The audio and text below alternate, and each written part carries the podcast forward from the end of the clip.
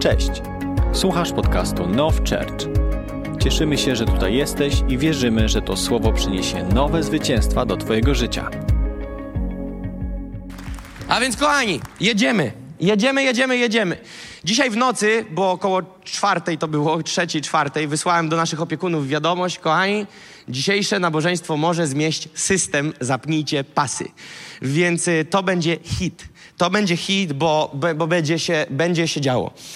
Jak to jest, że mamy dostęp do pełni w Panu, ok? Bo mamy dostęp do pełni w Panu, amen? Jak to jest, że mamy dostęp do pełni w Panu? Mamy przeznaczenie do bycia kościołem Bożej chwały i Bożej obecności. Czy tak jest? Każdy kościół, każdy zbór jest powołany do tego, aby być kościołem Bożej chwały, kościołem Bożej obecności. Jak to jest, że mamy przeznaczenie do bycia kościołem pełnym miłości i wrażliwości na siebie nawzajem? Czy tak jest, że my jesteśmy przeznaczeni do tego? Każdy kościół jest przeznaczony do tego, żeby być kościołem pełnym miłości i wrażliwości i dbania o siebie nawzajem. Jak to jest, że Biblia mówi o oblubienicy bez skazy, a oblubienica jest obrazem kościoła? I jak to jest, że jednak nie do końca jest tak, jak instruktaż mówi, że być powinno?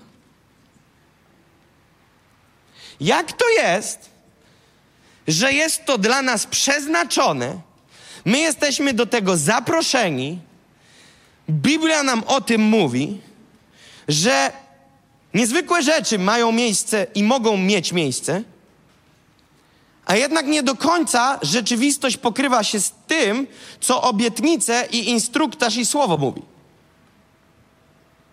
No kto z nas nie powie, no tak, Kościołem Bożej chwały, no oczywiście. Kościołem Bożej obecności, no pewnie. Miłość człowieku. Będziemy się ścigać. Wzajemnej miłości, ale później w tygodniu widzę, że jeszcze siódemki ci nie trafiłem. Bum! Jak to jest, że opowiadamy piękne kazania, opowiadamy piękne rzeczy, krzyczymy amen, a jednak gdzieś tam nie jesteśmy jedno z tą nicią, którą chcielibyśmy wszyscy, abyśmy byli. Widzicie, chciałem wam powiedzieć, że w kontekście Kościoła rozmawiamy, że to, co do Kościoła wnosimy, taki Kościół tworzymy. Zapisałem sobie wiele rzeczy i nie chcę minąć nic z tego, co napisałem, ponieważ to otrzymywałem od Ducha Świętego i postanowiłem sobie, każdą myśl spiszę. Kościół to nie jest budynek, Kościół to nie jest zgromadzenie jakichś ludzi. Ty tworzysz Kościół. Kiedy Biblia mówi o kościele, to w Grece jest słowo eklezja. Eklezja oznacza zgromadzenie jakichś ludzi w celu między innymi czczenia Boga. Innymi słowy, Bóg jest w centrum zgromadzenia takiego. Więc kiedy mowa jest o kościele, to jest mowa o eklezji, a eklezja to grono ludzi. Ciebie i mnie, którzy spotykamy się w imię Boga w jakimś miejscu. Ty w domu nie jesteś eklezją, ale kiedy przychodzisz na zgromadzenie grupy domowej, spotkania z innymi wierzącymi, jesteś eklezją. I eklezja ma pewne przeznaczenie i obietnicę, że może być rewelacyjnie. I jak to jest, że jednak nie jest? Ponieważ eklezję tworzy człowiek. Twór eklezji, model eklezji jest stworzony przez Boga. Głową eklezji jest Chrystus. Ale my tworzymy eklezję. I teraz głównie tymi, którzy odpowiadają za stan eklezji, są ludzie. Nie Bóg, bo Bóg dał instruktaż, obietnicę i narzędzia, jak zrobić, żeby eklezja oblubienica była bez skazy. To my decydujemy, jak w to wejdziemy i czy wejdziemy. A więc, jeżeli mówimy o kościele, to musisz zrozumieć, że kiedy przychodzisz do jakiegoś kościoła, stajesz się jego członkiem i mówisz, ten kościół, to on już jest Twoim kościołem i Ty wnosisz pewną temperaturę do tego kościoła. W saunie, w suchej, najbardziej nieno, nienorm, nienormalnymi ludźmi są ludzie, którzy wchodzą mokrzy. To przeczy założeniom tej sauny. Do sauny suchej trzeba wejść suchemu. Wiecie dlaczego? Między innymi oprócz tego, że ty tam nie zrobisz tego, co trzeba i w twoim organizmie nie zadzieje się to, co trzeba, to ty wnosząc wilgoć zmieniasz przeznaczenie tej, tej sauny. Tam różnicę ma zrobić wysoka, sucha temperatura i suche powietrze. Su mokra sauna ma inną sprawę. I kiedy wchodzisz do takich miejsc, gdzie widzisz, że 9 na 10 to amatorzy i oni wchodzą z mokrym ręcznikiem, mokrzy po prysznicu, siadają i moczą te deski, to wiesz, że już możesz wychodzić, bo się wszystko pomieszało. I oni później wyjdą po takim seansie i powiedzą, wiesz co, ta sauna jakaś dziwna. Mówili mi, że jak wejdę do suchej, to stanie się to i to, a tu dzieje się co innego. Dlaczego? Bo ty wniosłeś wilgoć. Wniosłeś tą wilgoć i przez ciebie zmieniła się atmosfera w tej saunie. Kościół tworzysz ty i ja, my razem. I zapisałem sobie takie rzeczy. Jeśli jesteś osobą plotkarską i plotkujesz, tworzysz plotkarski kościół. Jeśli jesteś osobą pełną miłości, którą okazujesz, tworzysz kościół miłości. Jeśli jesteś osobą krytykującą i krytykujesz, tworzysz kościół krytyki. Jeśli jesteś osobą chamstką i chamstwo przejawiasz, tworzysz, kulturalnie to napisałem, nie? Jeżeli jesteś chamską osobą, mogłem powiedzieć, że jesteś hamem, ale nie napisałem tak. Więc jeżeli jesteś chamską osobą i chamstwo przejawiasz, tworzysz, zgadnij jaki kościół. Chamski. Jeśli jesteś osobą pełną nieprzebaczenia, tworzysz kościół nieprzebaczenia. Jeżeli jesteś osobą zarozumiałą, tworzysz zarozumiały kościół. Jeśli jest w tobie rozgoryczenie, tworzysz rozgoryczony kościół. Jeśli biadolisz, tworzysz biadolący kościół. Ponieważ kościół to ty i ja. Musimy wyleczyć się z fałszywej, fałszywego myślenia, że ja nic nie zmieniam w tym kościele. Człowiek w tej saunie, który wchodzi, z... wiecie między innymi dlaczego jest powód nie ma wchodzenia w bieliźnie do sauny, musisz wejść tylko w ręczniku, bo często bielizna oprócz tego, że możesz nabawić się odparzeń, to jeszcze bielizna jest mokra po pływaniu i ona pod wysoką temperaturą wydziela po prostu wilgoć. Między innymi dlatego i ludzie, którzy przychodzą, oni nie rozumieją, że jeżeli jest w nich gorycz i gorycz wylewają, to nie dotyka to tylko osoby, do której to mówią i którą, na którą to wsadzają, ale w rzeczywistości duchowej dotyka to wszystkich. Facet, który wchodzi mokry do sauny, nie sprawia, że wilgoć dotyka tylko osoby siedzącej obok. Wilgoć wpływa na wszystkich w tej saunie, bo udzielone jest to w tym pomieszczeniu. Rzeczywistość duchowa i matematyka Kościoła duchowa jest taka, że jeżeli wchodzisz z goryczą i ją wylewasz po kuluarach, to wszyscy to wiedzą, ponieważ to czują w duchu, bo to się w duchu smaży. I finalnie każdy z nas coś wnosi, wtedy jest tak zwany rachunek, blenduje się to w duchu, robi się kompresja i jest równa się i mamy wynik, jaki mamy. Jeżeli wchodzisz do jakiegoś kościoła i czujesz tam zamieszanie, to wiesz, że kościół tworzą przede wszystkim ludzie pełni zamieszania. Jeżeli wchodzisz do kościoła, w którym odbierasz miłość, to wiesz, że jest kościół, który przejawia miłość. Jeżeli wchodzisz do kościoła, który, w którym jest Boża obecność, to wiesz, że w kościół tworzą osoby, które są katalizatorami Bożej obecności. Jeżeli wchodzisz do kościoła, w którym czujesz się jak po prostu trup, to wiesz, że trupy tworzą kościół. Jeżeli w kościele nie ma życia, to wiesz, że martwi duchowo ludzie tworzą ten kościół. Nie ma czegoś takiego, że ty i twoje to tylko twoje i nikogo to nie dotyczy. To nie oznacza o to, że ludzi ze słabym stanem trzeba zostawiać za drzwiami i wystawić im ekran na zewnątrz. Nie. Oznacza to, że my wszyscy musimy się rozwijać progresywnie do tego, aby podnosić standard duchowy Kościoła. Aby ta oblubienica naprawdę przypominała bez skazy. Najpierw są cztery strupy, później trzy, później dwa strupy, później jeden, a później bez skazy. A więc eliminujemy cielesność. Więc zrozum, jeżeli plotkujesz, to taki chamski kościół plotkarski tworzysz. Tworzysz, a największy hit hipokryzji jest później staniesz z boku i powiesz, ten kościół jest plotkarski. No bo to wniosłeś. Ale ja w tamtych dyskusjach nie uczestniczę, ale w duchu od ciebie się zaczęło. Więc widzicie, każde rzeczy mają swoje ognisko najpierw. I teraz przełomy i transformacja Boża w tobie lub jej brak ma przełożenie na stan Kościoła. Tu nie chodzi o to, żeby udawać. My zachęcamy, bądź transparentny, mów, co się z tobą dzieje. Ale chodzi tu o to, że Boże przełomy w tobie, w tobie, transformacja Boże w tobie lub jej brak ma przełożenie na to, jaki stan naszego Kościoła będzie miał miejsce. Uważam, że osoba prawdziwie biblijnie wierząca. Co na tym mam na myśli? Nowonarodzona, ochrzczona, odrodzona z Bożego Ducha, napełniona Duchem Świętym, uważam, że nie może mieć demona.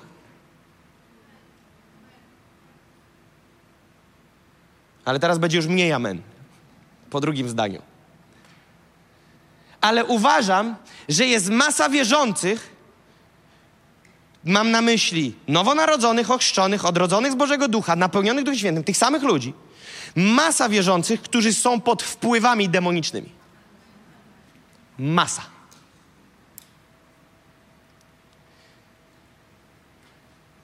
Jeżeli jesteś biblijnie wierzący, naprawdę odrodzony z Bożego Ducha, krew baranka jest nad Twoim życiem. Jesteś zapieczętowany pieczęcią Ducha Świętego. No to nie możesz mieć demona. Ale, my friend, w środku, a na zewnątrz to inna historia. I teraz jest coś takiego jak wpływy demoniczne. Wpływy demoniczne. To, że ktoś porusza się za wpływami demonicznymi, nie oznacza, że ma demona. I już tłumaczę o co chodzi. Szatan, czyli ma całe swoje królestwo, swoich pachołów demonów, Lucyfer, upadły z upadłych, najgorzej skończył. Gorzej się nie da. Szatan i jego demony mają jeden cel. Trzy właściwie. Zapakowane w jeden w jednym wersecie. Kraść, zarzynać i wytracać. One mają cel kraść, zarzynać i wytracać. Diabeł, szatan, ok, spróbujmy tej terminologii użyć. Szatan, diabeł nad diabłami i jego demony. Rozumiecie? Jest tak jak Bóg i ma swoje anioły, rozumiecie? Tak samo szatan, Lucyfer, ma swoje demony. Ma swoje demony. Bóg ma aniołów, Lucyfer ma demony. Bóg chce Cię błogosławić, uwalniać i prowadzić Cię do zwycięstwa. Diabeł i jego hołota ma jeden cel. Okraść Cię, zarżnąć, wytracić, wystać Ciebie całe życie i jak zostanie Ci 1%, to ten jeden rozłoży na cztery ćwiartki i Cię powoli odetnie bo on się jeszcze będzie pastwił nad Twoją porażką. To jest przeznaczenie szatana i jego demonów. Kraść, zaczynać i wytracać. W szczególności, nie jedynie, ale w szczególności poprzez, uwaga, kłamstwo. Mówimy teraz o kra, kra, kraść, zaczynać, wytracać w kontekście Kościoła, czyli mnie i Ciebie. Jednym z głównych narzędzi jest kłamstwo i strach, ale dzisiaj przerabiamy kłamstwo. Kłamstwo jest jednym z największych asów w rękawie diabła. Ok?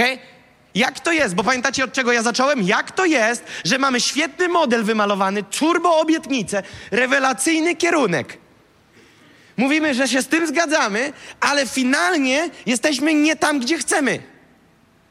No to ktoś nas skręcił po drodze, ktoś nas oszukał. Jeżeli mi powiedzieli na trzech najbliższych skrzyżowaniach dwa razy w lewo, raz w prawo, później na rondzie czwarty zjazd i tam będzie taki duży market, a ja zrobię to, co mi powiedzieli i zjadę ze przepaści w dół, to powiem, oszukali mnie. I jak to jest, że Bóg mówi, idziesz tu, idziesz tu, robisz to, robisz to, poznajesz prawdę, prawda was swobodzi, prawdziwie wolnymi będziecie, bum, i ty za tym idziesz, ale kończysz finalnie, że jesteś tak samo zniewolony jak przed Chrystusem, tylko że dodatkowo jeszcze niewyspany, bo w niedzielę musisz chodzić.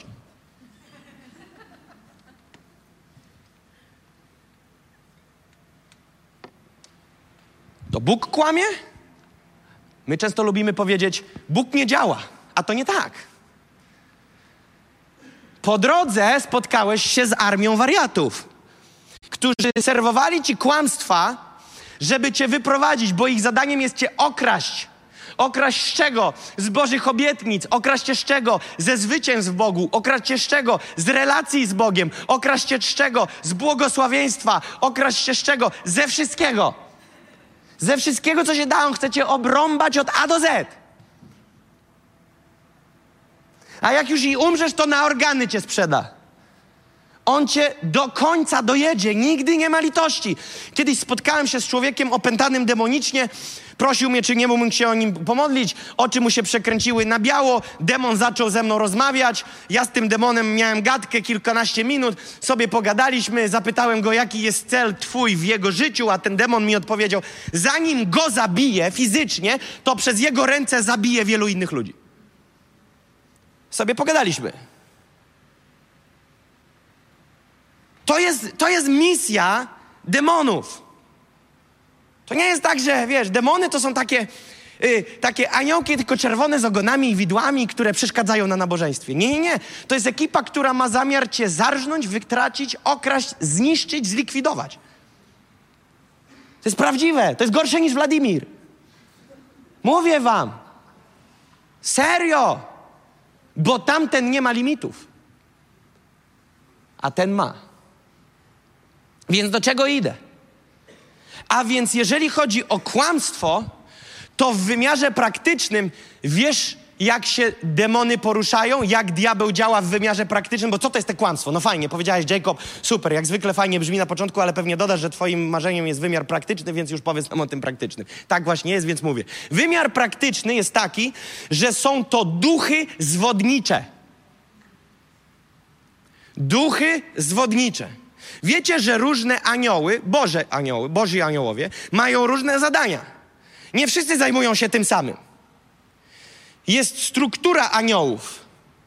Są różne zadania różnych aniołów. I tak samo jest, są różne zadania różnych mocy demonicznych. W konkretnych obszarach się moce demoniczne różnie poruszają. I dosyć mocną kapelę mają w swoich szeregach duchów, które odpowiadają za zwiedzenie wierzących. Nie niewierzących, bo niewierzący już są zwiedzeni. Duchy zwodnicze dedykowane do kościoła, które pracują nad tym, aby wprowadzić fałsz. I nie tylko ten, o którym myślicie, doktrynalny pokiełbasić ludziom w głowach do kwadratu. Tak, żeby finalnie w głowie się pokręciło i żeby się wywrócili na twarz. Wybili se zęby i nos mieli na bok. Takie jest zadanie tych duchów zwodniczych. A więc duchy zwodnicze, gdzie o nich jest napisane w Biblii, bo jak nie ma, to możecie już uciekać. Jest napisane w Biblii. W pierwszym liście świętego Pawła do Tymoteusza, czwarty rozdział, pierwszy werset. Słuchajcie, co jest napisane. Pierwszy Tymoteusza 4:1. A duch wyraźnie mówi, Boży Duch, że w późniejszych czasach odstąpią niektórzy od wiary i przystaną do duchów zwodniczych i będą słuchać nauk szatańskich. Co zrobią duchy zwodnicze? Duchy zwodnicze sprawią, że w późniejszym czasie wierzący odstąpią od wiary, a więc byli. Widzicie? A więc byli we właściwym miejscu, trwali w prawdzie ale duchy zwodnicze, które zadziałały nad ich życiem, owocnie zadziałały, sprawiły, że finalnie ludzie odstępują od wiary i co finalnie idzie? Idą za tym zwiedzeniem, a więc są wyprowadzeni na manowce, na pole, wychodzą z kursu, są pogubieni. Tak działają duchy zwodnicze. Musicie wiedzieć, ja będę przykręcał śrubę w, w, kolejnych miesiącach i latach, obiecuję wam, tu będzie głęboko co niedzielę, jeżeli damy sobie przestrzeń. To powoli przechodzimy na coraz gęstsze mleko. Kaszka się robi teraz. To jest dalej kaszka, to nie jest mięso jeszcze. To jest ABC w ogóle, o czym my rozmawiamy. Duchy zwodnicze, to, to na szkółce powinno być. Duchy zwodnicze, to jest z piórnika wyciągasz atrament i pióro. W podstawówce kazali nosić, to to jest tam w piórniku. Duchy zwodnicze. To są duchy, to jest pakiet mocy demonicznych wysłany do ciała Chrystusa. Do tego, aby zwodzić, zwodzić, zwodzić i zwodzić. W tym obszarze zwodzić szeroka gama w jakim celu, w sensie w jakich strategiach i jak praktycznie to wygląda. Po prostu innymi słowy, ma być harakiri. Ma być rzeźnia. Taki jest cel. I teraz uwaga, kiedy Biblia mówi tutaj, że w późniejszych czasach odstąpią niektórzy od wiary i przystąpią, przystaną do duchów zwodniczych, słowo zwodniczych to greckie słowo planos i planos odnosi się do zwodzić, uwodzić, wprowadzić w błąd, oszukiwać oraz takie słowo włóczęga. Stajesz się nagle włóczęgą. Duchy zwodnicze, czyli planos, odnosi się do zwodzić, uwodzić, wprowadzać w błąd, oszukiwać, włóczęga. Macie wrażenie, że jak te duchy zaczną działać, to masz zaburzoną perspektywę na rzeczywistość? Zaczynasz widzieć inaczej niż jest. Bo to właśnie te duchy zwodnicze robią. Zaczynasz widzieć w fałszu. I teraz uwaga, żebyście zrozumieli perspektywę tego słowa planos, to jeszcze pokażę wam inne miejsce w Nowym Testamencie, gdzie jest użyte te same słowo, żebyście zobaczyli, jak ono ma zastosowanie. Jest to użyte w drugim liście świętego Jana 1,7, tego nie mamy na ekranie chyba. Drugi list świętego Jana 1,7. Bo wyszło na świat wielu zwodzicieli, którzy nie chcą uznać, że Jezus Chrystus przyszedł w ciele. Taki jest zwodzicielem i antychrystem. Planos, dwa razy planos użyte słowo. A więc Planos zaprzecza faktom, bo powiedzieli w jakim kontekście? Że zaprzeczają temu, że Jezus przyszedł w ciele. A więc zaprzecza faktom. A więc duchy zwodnicze, Planos, działają w ten sposób, że ty jesteś w sprzeczności z stanem faktycznym i faktami. Żyjesz w innej rzeczywistości. Co innego uznajesz za prawdę. I powiem ci coś, kiedy duchy zwodnicze zaczynają działać, ty nie wiesz, że jesteś pod wpływem duchów zwodniczych i dasz sobie rękę oddać, dasz, położysz na stawkę, mówisz, wal siekierą, że jest tak, jak mówię. Rękę oddam, bo to jest tak silne przekonanie, bo te duchy zwodnicze same w sobie są zwodnicze i ty nie wiesz, że to one. I ty wierzysz, to jest to jest tu i ty masz przekonanie 100%. Powiem ci więcej. Wielu wierzących nie rozpoznaje, że to nie Duch Święty, a duchy zwodnicze i są przekonane, że, przekonani, że Duch Święty. Wiesz dlaczego? Bo jakiś głos usłyszeli. Wystarczy, że ty głos usłyszysz, bo tak bardzo chciałeś jakiś głos usłyszeć, że już w końcu nie pomyślałeś, że też warto rozpoznać, czyj to do głosu. Więc jak ci powiedzieli, słuchaj, idź do kamy i daj jej z liścia, ty powiesz, pan powiedział kama. Bam! Bo ja głos w końcu usłyszałem. Bo ty, Jakub, mówisz od wielu lat, że można słyszeć Boży głos. Ja nigdy nie słyszę, więc ja się od lat modlę. Chcę usłyszeć Boży głos. I Boży Duch mi powiedział. No, że Duch to na pewno. Że Duch ci powiedział, to wiemy, to to wiemy. Tylko co ci powiedział, powiedz? Powiedział mi, i kiedyś jeden człowiek mi powiedział, że powiedział mu Duch Święty, żeby on kupił litr wódki, i poszedł do swojej byłej dziewczyny ze świata i spędził z nią noc, bo przez to po alkoholu ona się otworzy na Ewangelię. Ja mówię, człowieku, cię tak poryło, że ty nie musisz nawet rozpoznawać. Ty posłuchaj siebie, człowieku, jakie farmazony ty gadasz. Mówi, wiesz co, najgorsze, że ja już wiem, bo ja byłem. A więc zgaduję, jak się skończyło. No właśnie, znowu grzeszyliśmy. I ja mówię, no co ty? Niemożliwe. Kto by się spodziewał, stary? Ale numer! Jak do tego doszło? Rozpisz mi to. Rozumiecie? Wielokrotnie wystarczy, że diabeł widzi naszą niedojrzałość i ci powie. A wiesz, że Biblia mówi, że diabeł też podszywa się pod anioła światłości. I ty myślisz, Bóg, a tu dzwon, bo nie Bóg.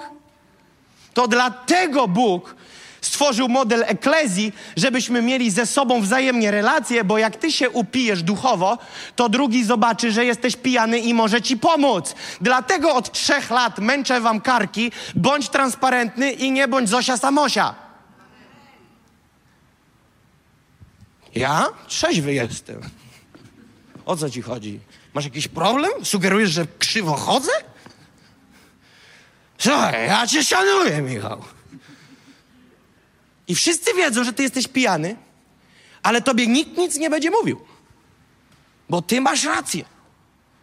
Bo ty w 83 szkołę skończyłeś biblijną.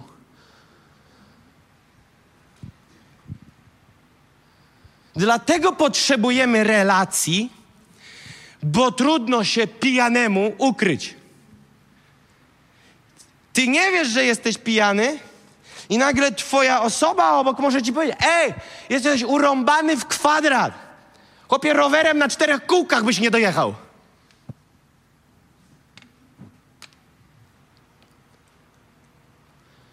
A więc świat, ten świat jest całkowicie pod tymi duchami.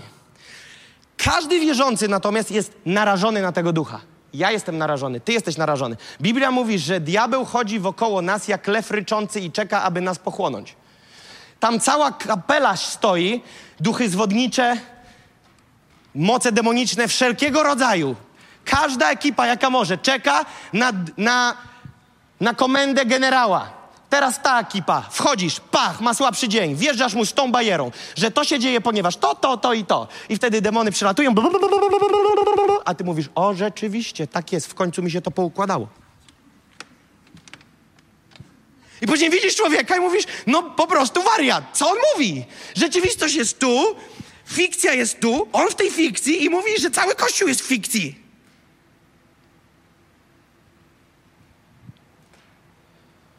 Historia, na której się oprzemy, jest w drugiej księdze Samuela, rozdział 13, 14, 15. Historia Absaloma. Chcę dzisiaj głosić, wiem, nie zaczynam, jestem w połowie. Duch Absaloma.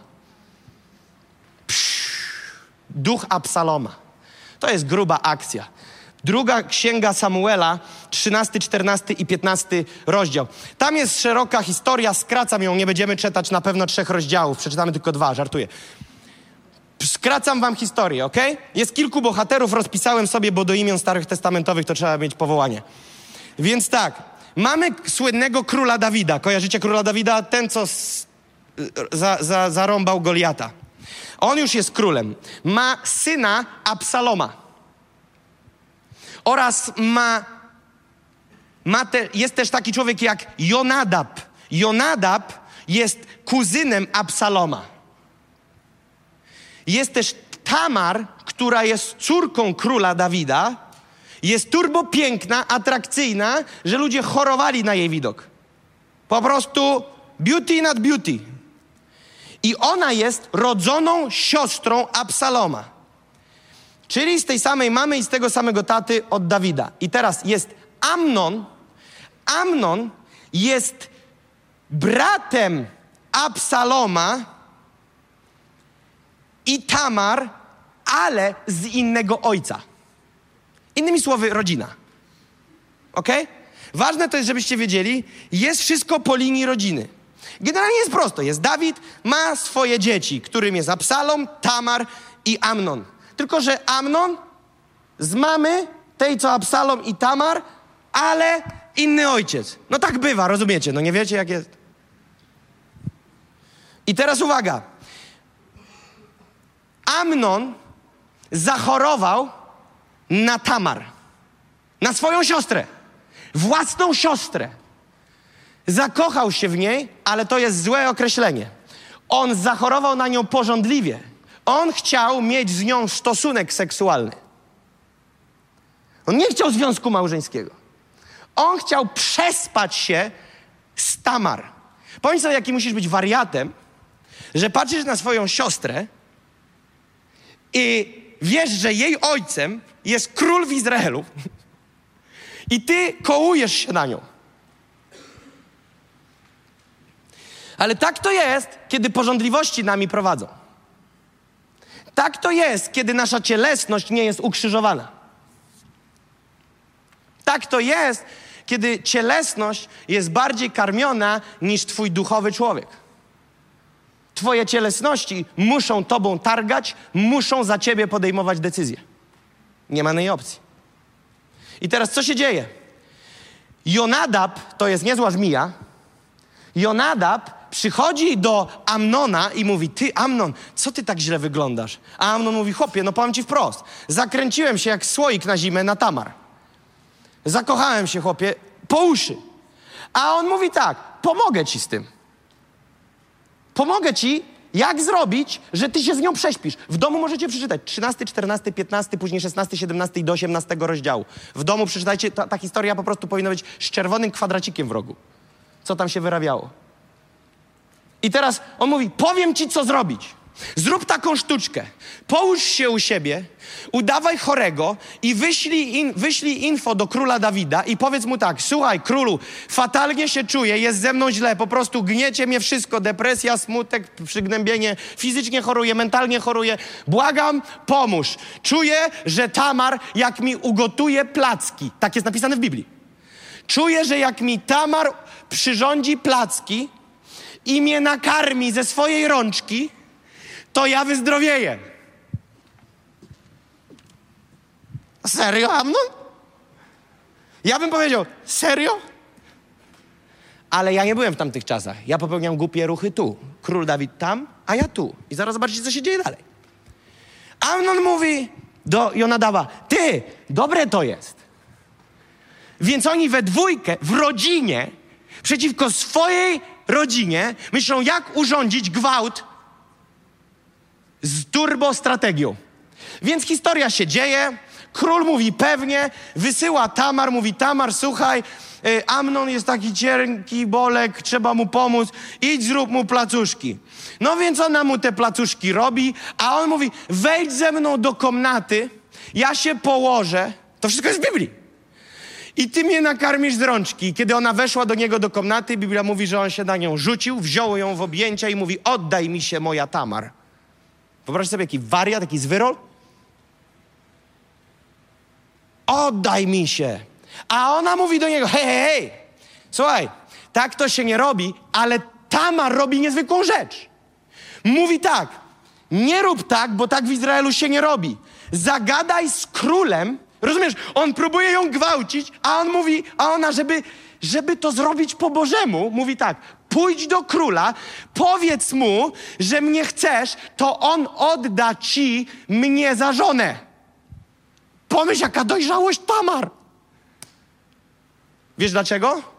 Bo Tamar rozumie sprawę sauny i wchodzenia z mokrą bielizną, że jak wchodzisz mokry, mokra, to wszyscy tego doświadczą. Ona wiedziała, że jeżeli zrobi się to, co on chce zrobić, to będzie afera w Izraelu po uszy. Więc ona mówi, ona nie myśli o sobie i ona mówi, słuchaj, idź do króla, zagadaj, on ci odda mnie, tak jakby ona so, nie miała do siebie praw.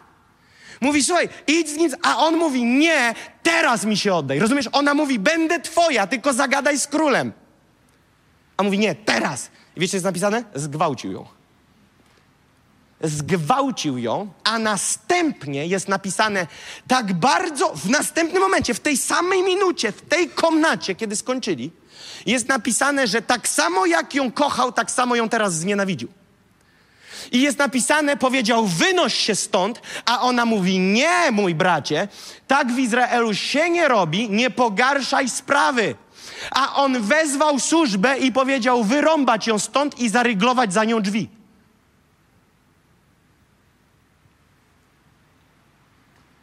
I y, y, kobiety królewskie, córki królewskie, na, na, na, na znak swojego dzie, dziewictwa chodziły w koszulkach y, na ramionczkach z otwartymi ramionami. To był znak dziewictwa w tamtym czasie. Wiecie, co zrobiła Tamar, jak wyszła? Rozerwała sobie te ramionczka i posypała głowę popiołem. Wszyscy wiedzieli, co się wydarzyło. I wtedy pierwszy, który się na nią natyka za drzwiami, jest Absalom, brat. I Absalom mówi tak, spojrzał tylko na to i wszystko przeanalizował i mówi tak, byłaś u Amnona? A ona mówi tak. A Absalom mówi, nie mów nikomu tej sprawy. Patrzcie teraz. Nie mów nikomu. Zostaw to, nie będziemy robić afery w Izraelu. Zamieszkaj ze mną, będzie dobrze. Wziął ją pod swoje skrzydła i ona zamieszkała u niego.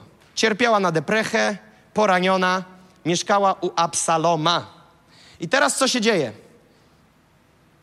Pojawia się druga księga Samuela, 13 rozdział, 22 werset. I to możemy zobaczyć, 13:22, pierwsza Samuela 13:22 i mówi ten werset do nas tak. Absalom zaś, to jest następny werset, który jest, Absalom zaś nie rozmawiał z Amnonem, czyli tym, który zgwałcił. Ani dobrze, ani źle. Absalom bowiem znienawidził Amnona za to, że ten zhańbił Tamar, jego żonę. Co mamy? Słucham? Nie słyszę. Siostra, co powiedział? No, widzicie, jaki błąd? Dzięki. Zawsze poprawiajcie. Bo później na online powiedzą bredzi. Żonę, podpowiedzieli mi, że, żo- że nie żonę, że siostrę. Absalom zaś nie rozmawiał. Zobaczcie, do czego dochodzi, kiedy ze sobą nie wyjaśniamy pewnych rzeczy. Absalom nie rozmawia z Amnonem. W domu, w jednym domu, w jednej rodzinie. Dochodzi do miejsca, w którym członek rodziny z członkiem rodziny przestaje ze sobą rozmawiać. Finalnie, nie, do finału jeszcze daleko, moi państwo. Teraz jest następstwo. Absalom znienawidził.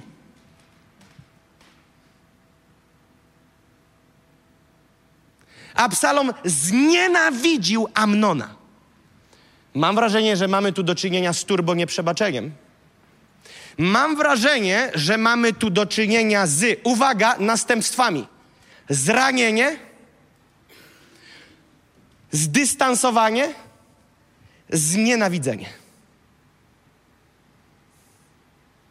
Bo pamiętajcie, kula śnieżna grzechu zawsze nabiera rozpędu, ona nigdy się nie zatrzyma, dopóki nie zabije. Grzech idzie progresywnie, zawsze. On nigdy nie powie, na dziś problemów wystarczy. On zawsze będzie szedł dalej. A więc mamy zranienie, niezałatwione zranienia cię dystansują.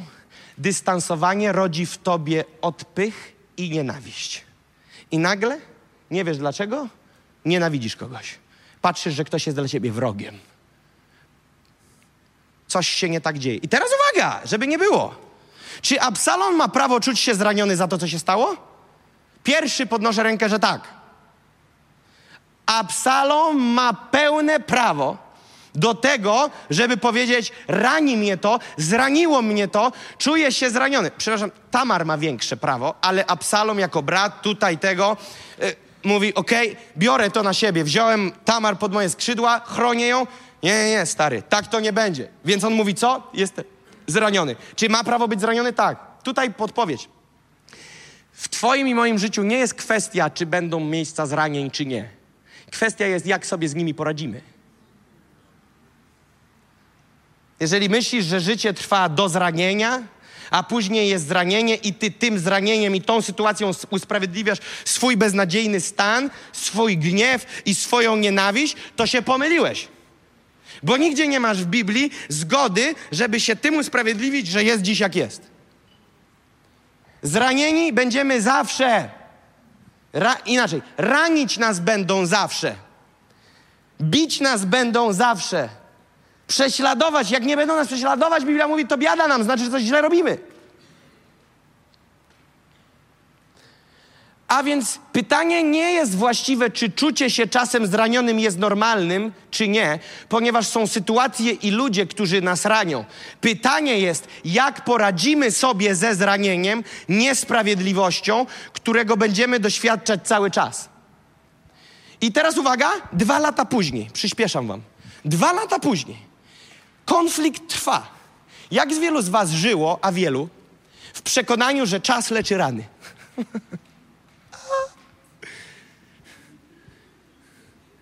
Czas karmi rany, potęguje rany i wzmaga konflikty. Historia ma dwa lata później miejsce. Dwa lata. Tamar mieszka u Absaloma. Absalom nie rozmawia z Amnonem. Amnon nie rozmawia z Absalomem. Absalom nie rozmawia z królem Dawidem. Jest cisza. Robimy se jaja. Nic się nie wydarzyło palimy gupa. mijamy się i nic nie rozmawiamy. Najgłupsze, co można zrobić. Wiesz dlaczego? Bo po dwóch latach te uczucie zranienia przeradza się w akt morderstwa. Absalom postanawia zamordować Jona, a, Amnona. Absalom postanawia zarżnąć Amnona za to, co zrobił. I zgadnij co? Amnon umiera od miecza. Następuje morderstwo w rodzinie królewskiej. Pamiętacie, jak kiedyś wam mówiłem, że będziemy wracać do dziejów Dawida? Bo tak go malowaliśmy, piękny lider uwielbienia, cudowny król, zarządca. Tak, to są jego dobre strony. Ale teraz czytamy o bajzlu w jego królestwie. Bo to ten, sam człowiek.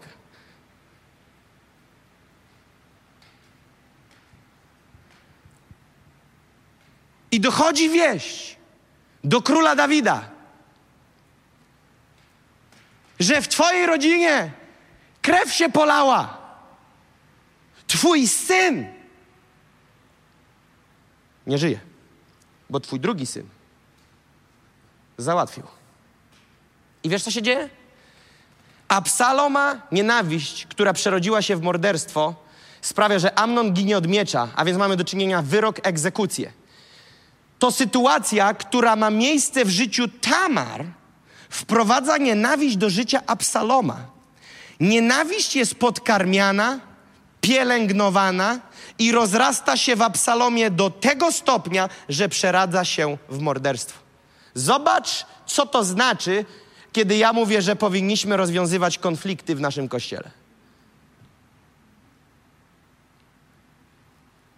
Powiedziałem, że dla mnie, i powiedziałem to i podkreślę to jeszcze raz, że jeżeli człowiek wierzący z człowiekiem wierzącym jest w miejscu, w którym cisza i amen, wiesz, jakie jest moje zdanie? Ja nie ufam takiemu człowiekowi. Wiesz dlaczego? Bo to jest chodząca bomba. I co z tego? Przyjdzie na każdą modlitwę, prowadzi grupę, ludzie na tej grupie są zadowoleni, Boże, jaki lider. Mnie to nic nie obchodzi. Wiesz dlaczego? Bo to jest bomba, która tyka. Ona musi wywalić w powietrze. I dlatego automatycznie ja takiej osobie nie ufam i odsuwam, bo jak wywali w powietrze, to zabije swoimi, swoimi y, szczątkami wszystkich w okolicy. Dlatego ludzi z niewyjaśnionymi kłopotami, konfliktami, wpuszczonymi w czas, o, okropionymi nieprzebaczeniem, nienawiścią, goryczą, jak najdalej od służby innym ludziom, bo oni ich zarąbią. Kwestia czasu. I wtedy mamy drugą księgę Samuela 13:38. Czytamy werset, który jest hitowy. A Samuela druga, druga księga Samuela 13:38. Gdy zaś Absalom po swojej ucieczce przybył do Talmaja, króla Geszur i przebywał tam już trzy lata, zatęskniło serce Dawida za spotkaniem z Absalomem, gdyż pocieszył się już po śmierci Amnona. Wiecie, co się dzieje? Absalom dochodzi do mordu w królestwie, gościu morduje i znika. Od razu po morderstwie się zawija. Wiesz, co próbuje zrobić? Uniknąć konfrontacji i konsekwencji. Tacy ludzie ci powiedzą: Nie, nie spotkam się z tobą, nie mam czasu, dziś nie, za tydzień, za tydzień przychodzi, nie, mnie nie będzie. Później za tydzień, nie, nie, nie, nie mogę, przepraszam, nie, jednak nie. Dzwonisz na umówioną godzinę, wiesz co, byłem w kibelku, a papieru zabrakło, na czterech szedłem do żabki i tak dalej. Rozumiecie? Oni zawsze będą uciekać gdzieś do Geszur. Znajdą swoje Geszur, bo będą chcieli uciec od konsekwencji. Ale nie bój się, drogi Absalomie, znajdę cię i w Geszur. A więc oni, on ucieka. I jest napisane, że przebywał tam już trzy lata. Trzy lata. Trzy lata. Dawid nic z tym nie robi. To jest fatalne. Dlatego, że bardzo kochał Absaloma. Układzik rodzinny. Wiesz, co to mi pokazuje? Nie ma akcji, że dlatego, że ja z Marcinem dobrze żyję na co dzień, lubimy ten sam burger, do frytek domawiamy ten sam sos, to nie ma czegoś takiego, że jak Marcin odwala hałę, to ja mówię, wiesz co Marcinku kochany, pójdziemy na burgerka, przy frytkach nam wszystko przejdzie, zakopiemy to pod dywan. Nie, nie, nie. Ja biorę Rocina i mówię, Marcinku, nawaliłeś bigosu. A nie, że robimy układ układziki. Trzeba wyciągnąć konsekwencje i tego ludzie nie rozumieją. Bo mówią, ale zaraz, zaraz, czemu ty tak do mnie mówisz? Byliśmy przyjaciółmi. A co to zmienia? To zmienia, że ze względu na przyjacielstwo, na przyjaźń teraz, ja nie mogę ci powiedzieć między oczy, że robisz kaszanę? Ale Dawid miał niepoukładane duszewne sprawy od zawsze. Porządliwość seksualna, grzech z Betrzebą. Układzik z synkiem, mój synuś, mój synuś, mój synuś, mój synuś, cały świat wybijemy, ale ciebie zostawimy. Mój synek, mój synek. Ale tak to nie będzie. Ponieważ Dawid nie rozumie, że rzeczy pod dywanem nie znikają. I trzy lata później Dawid zatęsknił, Biblia mówi, jego serce zatęskniło, bo już się po Amonie nacieszył. Już się pocieszył, że już tam zapomniał o gościu, w sumie tysiąc dni minęło, mówi, dobra, dawaj Absaloma z powrotem. Ale tak naprawdę w procesie powrotu Absaloma ma miejsce inny człowiek, o którym nie czytamy, ale jest to na tych pięciu rozdziałach. Joab. Joab był naczelnikiem, był generałem całych wojsk Dawida. I to Joab przyszedł, on miał, o, nieważne, w domu zobaczycie, jaki tam był układzik. On przyszedł do Dawida i mówi: Słuchaj, wiesz co, tak doradzam ci, sprowadźmy może tego Absaloma.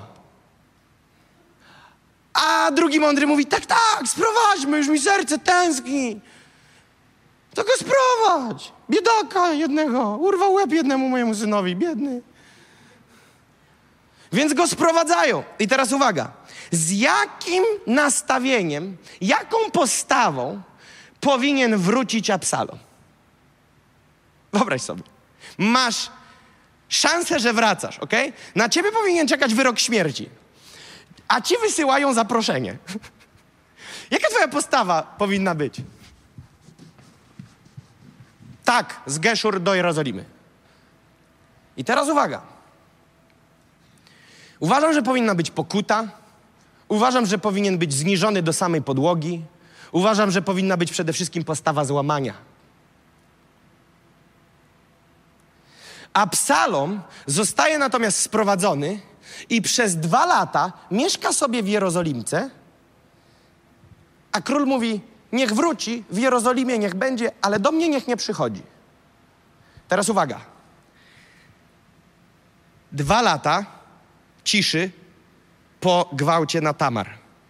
Trzy lata w Geszur, to daje pięć. I dwa, które dwa lata ciszy w Jerozolimie. Wróć, niech mieszka, ale niech się mi nie pojawia. Co to jest? To jest próba czasem załatwienia spraw. Kroczek po kroczku, na każdym stage'u nie wyciągamy konsekwencji, ale powoli człowiek wraca.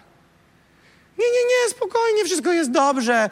Okej, okay, nie będziemy tego roz... Niech karą będzie, że go nie będzie. Nie, nie, nie, Dawidku, tak się nie robi. I mija 7 lat, a tak na marginesie cyfra 7 oznacza dopełnienie, pełnia. Gdzie się szala przelewa, gorycz z miska z goryczą się wylewa. I teraz jest napisane, że siedzi on sobie dwa lata, nic się nie dzieje. I teraz druga księga Samuela 14:28 jak ja dobrze czytałem, to mówię, no chyba zmieniam na UBG, uwspółcześnione y, Biblię Gdańską, ale później szybko spokutowałem, bo myślę sobie, to niemożliwe, że aż tak źle. To niemożliwe, że aż tak źle jest w 14 rozdziale, 28 wersecie. Patrzcie, co się dzieje. Absalom mieszkał, słuchajcie tego. Absalom mieszkał już w Jeruzalemie dwa lata. Ile lat mija od momentu, kiedy Tamar została zgwałcona? Siedem. Siedem lat mija. Ile mija lat po morderstwie? Pięć.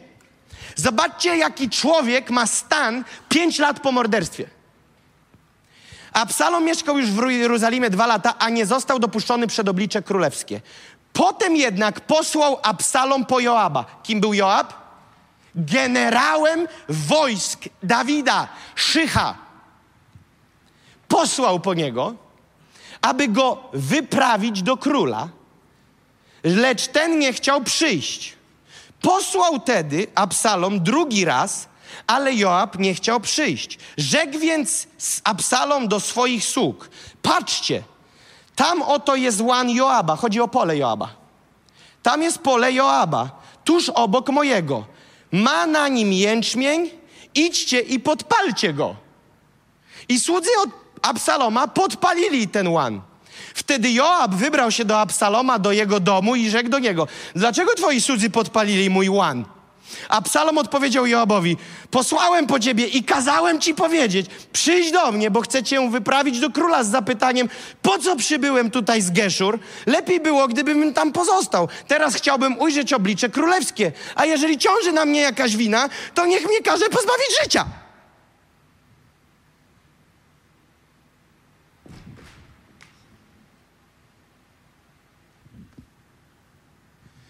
Gościu jest totalnie opętany.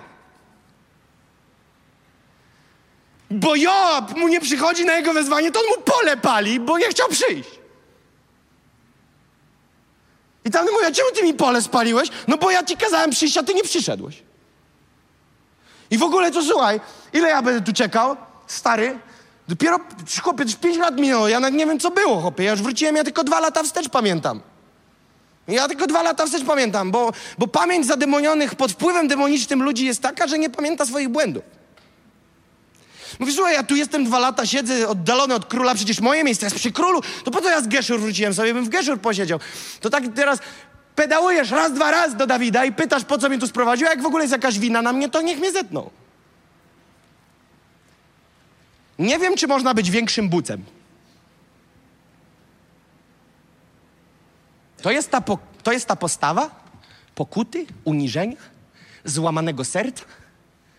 To jest postawa roszczeniowa do potęgi entej.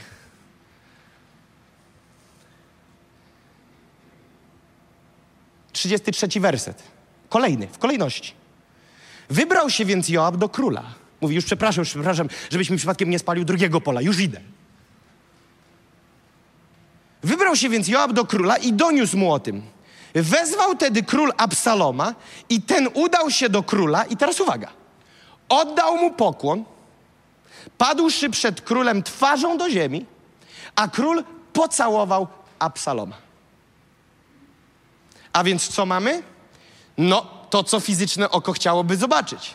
Padł na twarz, ukłonił się, okazał akt uniżenia. Fizyczny. Ale to, co się wyrabia, i teraz wam przeczytam kilka tylko, w pierwszej księdze Samuela 15:1, to jest kolejny werset, tego nie ma. Czyli, czyli czy, co jest? On jest sprowadzony, pada do ziemi twarzą, król pocałował Absaloma. Kolejny werset, 15:1 mówi tak. I teraz słuchajcie się, co dzieje. I stało się potem, że Absalom sprawił sobie powóz i konie oraz straż przyboczną złożoną z pięćdziesięciu mężów. Zwykły też był Absalom od wczesnego ranka stawać na drodze przy bramie. A ilekroć jakiś człowiek miał sprawę sporną do rozstrzygnięcia na sądzie przed króla, Absalom przywoływał go do siebie i mawiał, z którego miasta jesteś? A gdy ten odpowiadał, z tego a tego plemienia izraelskiego jest twój sługa, wtedy Absalom mawiał do niego, patrz, twoja sprawa jest dobra i słuszna, ale nie ma u króla nikogo, kto by cię wysłuchał. wow. Mawiał jeszcze Absalom, gdyby to mnie ustanowiono sędzią w tej to ziemi, i gdyby to do mnie przychodził każdy, kto ma sprawę sporną do rozstrzygnięcia, to wymierzyłbym mu sprawiedliwość. Gdy zaś ktoś podchodził do niego, aby mu się pokłonić, on wyciągał do niego rękę, brał go w objęcia i całował. Tak postępował Absalom z każdym Izraelitą, który przyszedł do króla na sąd i pozyskiwał sobie serca mężów izraelskich. Po upływie czterech lat, jedenaście lat potem, rzekł Absalom do króla: Wybieram się, aby dopełnić w Hebronie ślubu, jaki złożyłem panu. Gdyż twój sługa złożył ślub, gdy przebywał w Geszur w Aramie, Wtedy, kiedy zarżnąłem ci syna, co się zawinąłem na dwa lata, przebywałem w Geszur w Aramie tej treści i po powiedziałem, jeżeli Pan pozwoli mi powrócić do Jerozolimu, to złożę hołd Panu. Rzekł więc król do niego, idź w pokoju. No, słuchaj, chcesz złożyć hołd Panu, ołtarz zbudować tam daleko, sobie to buduj, nie?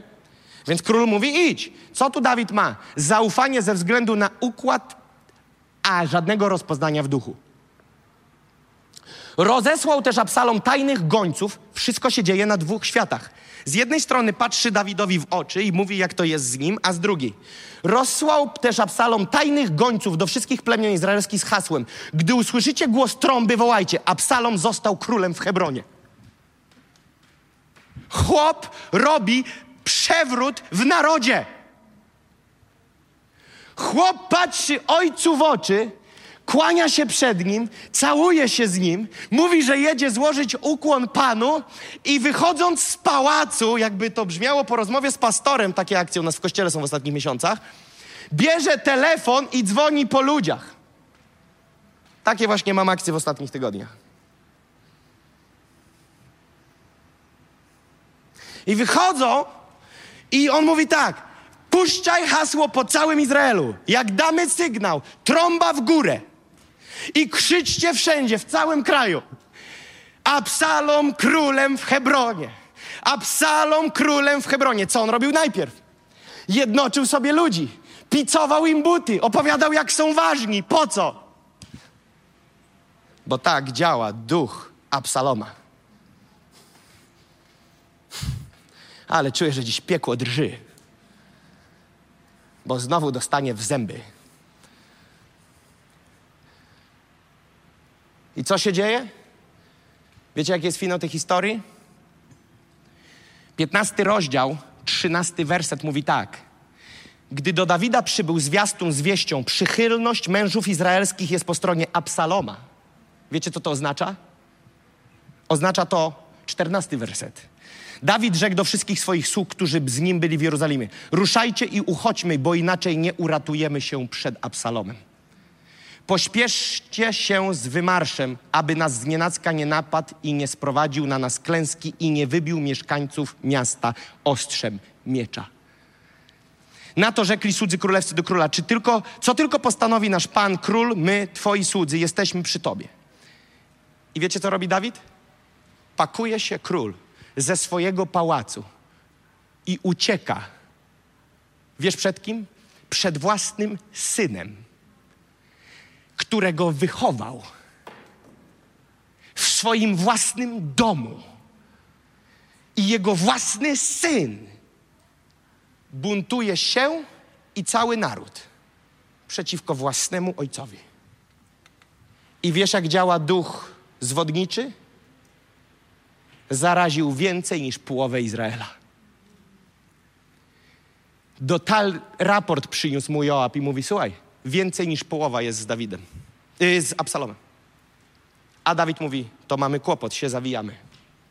I uciekają. A przecież obietnica była, że tron Dawida będzie wieczny. Ale teraz następuje coś, co nazywa się owoc działania duchów zwodniczych.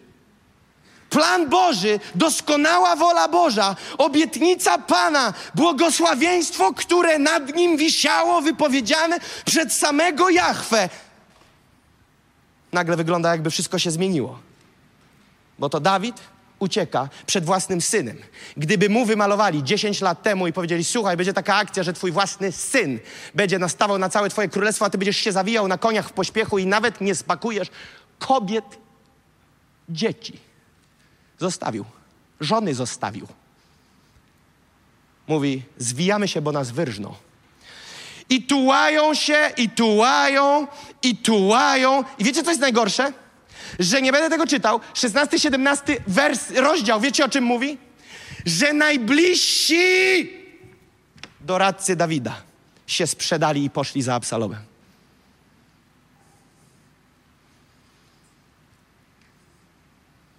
Była akcja, że on miał swojego doradcę. Poczytacie w domu. I on mu tam podpowiada, i podpowiada, i podpowiada. A nagle oni patrzą mówią, coś tu nie tak. I wiecie, co jest napisane w mojej Warszawce? Tytuł. Że wykryto spisek. Chłop z jego podwórka przy Dawidzie spiskuje przeciwko Dawidowi. Więc go wyrąbali.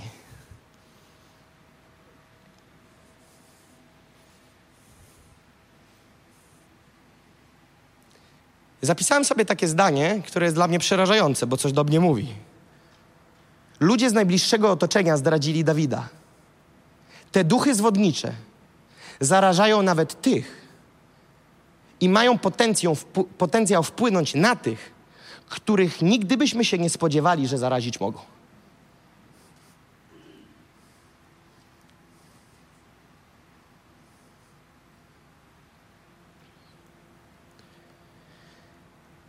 Następnie cały naród jest zaangażowany w ten konflikt. Później są wplątane w to kobiety i dzieci i mężczyźni. Cały naród.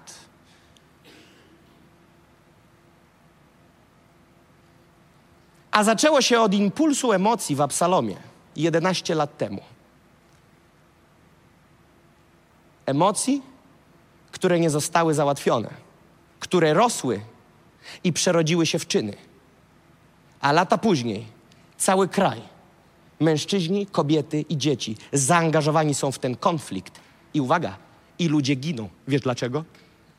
Bo dochodzi do starcia. Wojska, które stanęły po stronie Absaloma, z wojskami, które stanęły po stronie Dawida. Ojciec z synem rąbali się w lesie na miecze i jest powiedziane, wielu pochłonęło. Tysiące ludzkich istnień zginęło. I pomyśl sobie, że jesteś z kumplem pod mieczem, idziesz przez las, widzisz, widzisz wroga, teraz widzisz wroga, tymi, z którymi tydzień temu na treningu razem biegałeś. I mówisz, za co nam to wszystko? Mieliśmy walczyć z, z Filistyńczykami, Amonitami, Amalekitami, a walczymy między sobą. Czym zawiniliśmy? Wiesz, co bym powiedział do tego gościa? Niczym. Płacimy konsekwencje debilizmu tych ludzi. Idiotyzmu, kompletnego cymbałstwa tych ludzi. Bo prawdziwy lider by tą zarazę zatrzymał i to skasował.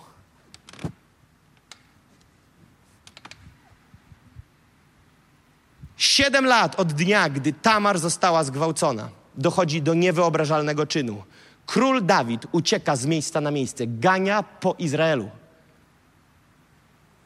Bo Absalom idzie po tron.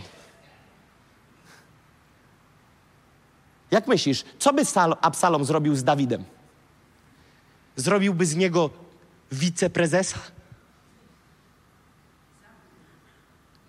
Byłby finish. Byłby finish. Ale wiesz, czemu nie mógł być? Bo z nici Dawida miał przyjść Zbawiciel. Plan Boży się wypełni. Ale konsekwencje są nasz, w, po naszej stronie. To, co sobie naważymy, to się wydarzy. I druga księga Samuela 16 od 5 do 9. Jestem bardzo na końcu. A gdy druga księga Samuela 16, 5 do 9. A gdy król Dawid przybył do, do Bachurim, oto wyszedł stamtąd, teraz posłuchajcie, to jest niewyobrażalne, co się tu czyta. A gdy król Dawid przybył do Bachurim, ucieka, rozumiecie, z ekipą, gania się po Izraelu z Absalomem, oto wyszedł stamtąd pewien człowiek z rodziny, uwaga, Saula. Pamiętacie, kto był Saul? Ostatni król przed Dawidem. Więc wychodzi jakiś chłop, teraz uwaga, poraniony. Bo to Saul miał być królem a Dawid jest królem. I uwaga, wychodzi członek z rodziny Saula imieniem Szymei, syn Gery. Ten wyszedłszy stamtąd ciągle złorzeczył. Obrzucał też Dawida i wszystkie sługi króla Dawida kamieniami. Chociaż cały orszak zbrojnych i wszyscy rycerze szli po jego prawej i lewej stronie.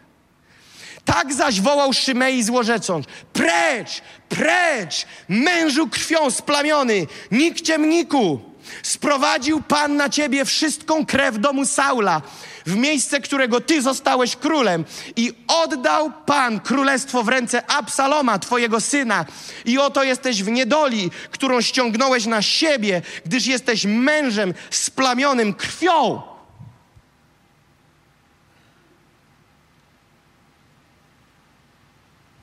Pomyśl sobie, na chwilę zanim dojdziemy do ostatniego wersetu. Popatrzcie na mnie. Lat wiele Dawid jest już królem.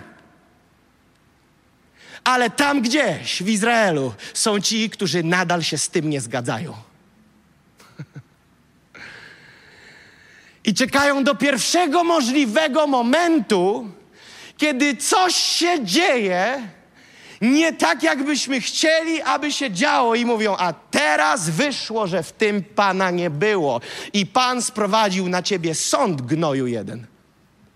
Absalom będzie królem, bo powinien był być od początku, ale ty objąłeś w niewłaściwy sposób, wprosiłeś się, wbiłeś na Hama na tron zamiast Saula, ale Pan stanął po stronie prawdy, ty nikczemniku jeden, tak do niego powiedział. I mówi, i teraz ty jesteś splamiony krwią, pomyśl, jakie przekleństwa mu na łeb wrzuca.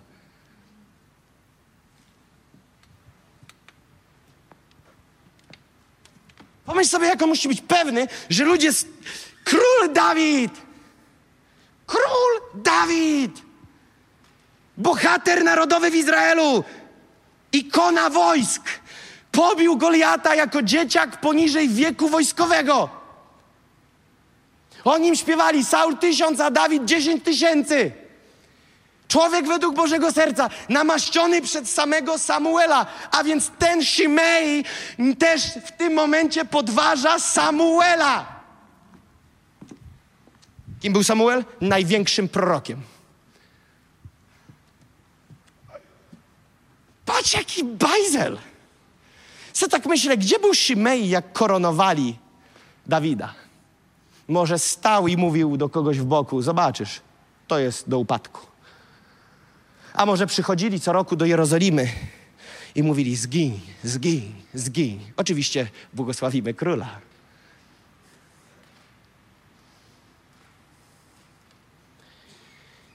I dziewiąty werset. Wtedy rzekł Abiszaj, syn Serui, do króla: Dlaczego ten zdechły pies ośmiela się złorzeczyć mojemu panu królowi? Pozwól, że podejdę do niego i utnę mu głowę. Ale Dawid nie pozwolił.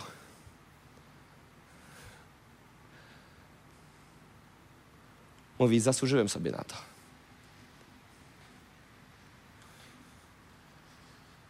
Dopuściłem do tego. To jest w 10 i 11 wersecie później. Mówi, to się dzieje przez moje błędy. Ależ jaki poziom chamstwa, nienawiści, piany demonicznej na ustach wśród tego gostka, który tak krzyczy. I rozdział 18 to niestety to zderzenie dwóch wojsk. Absalom i Dawid, rozdział 18. Finał jest taki, Dawid mówi, jeszcze nawet przy tej wojnie, mówi, ale posłuchajcie, co jak co, ale ostrożnie za Psalomem. Nic mu nie zróbcie. To jest mój synuś. Nic mu nie zróbcie, to mój synuś. A Joab mówi, mam tego dosyć. Joab mówi, ile będziemy się bawić z tym gnojem. I są na wojnie. I mówi tak, przychodzą posłańcy w nocy i mówią, ty, Absalom jechał na koniu, miał takie włosy, jak normalnie falowały za nim dłużej niż ogon konia. Takie miał włosy. I jest napisane, że przejeżdżał pod drzewami, które były nisko z gałęziami zaczepione i wplątały się jego piękne włosy w te piękne, artystyczne włoski. Wplątały się w drzewka. I konik pojechał, a gość wisi. I przybiegają, wyobraźcie sobie, jakie upokorzenie. Jak myślisz, kto te drzewa tam zasadził?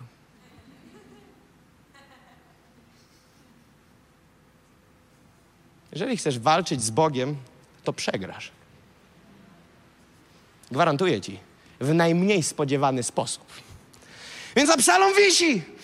A chłopaki z wojsk Izraela po stronie Dawida mówią, ty zobacz, Absalom wisi. Mówi, chłopie, uciekamy stąd. I przybiegają bo wszyscy zaczynają się bać. Nagle zobaczcie, co się dzieje. Ten człowiek zbudował wokoło siebie aurę, jestem nietykalny. Wiesz dlaczego? Bo mówiłem, Twoja sprawa jest ważna. Kupował sobie ludzi. Nie, nie, nie, nie kłaniaj się przede mną. Chodź, chodź, chodź. Wstań, wstań. Wszystko jest dobrze. Powiedz, jaką masz sprawę. Ciebie nie wysłuchają, bo wiesz co, on tam siedzi, on nie ma czasu dla hołoty, ale ja ci powiem. Jakże brzmi podobnie.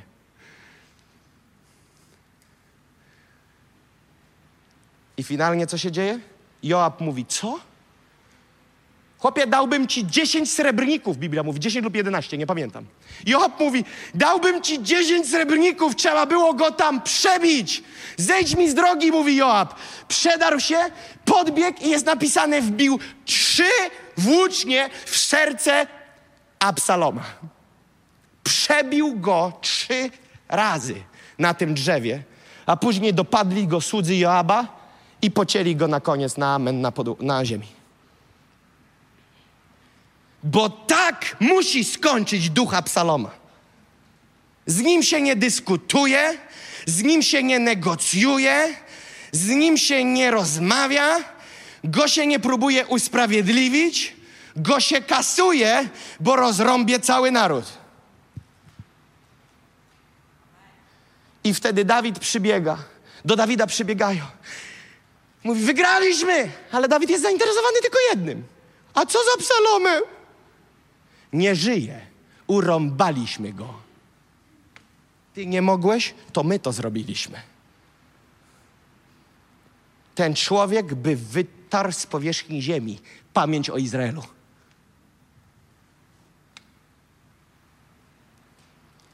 Gdyby król Dawid wiedział wtedy, w tym momencie, kiedy w lesie walka była, Psalom Dawid wojska na wojsko, Gdyby wtedy wiedział, że jak nie wyciągnie odpowiednich konsekwencji za psaloma, wtedy, lata wcześniej, to czy puściłby to płazem? Myślę, że nie. Ale niestety nic nie wyciągnął, żadnych konsekwencji.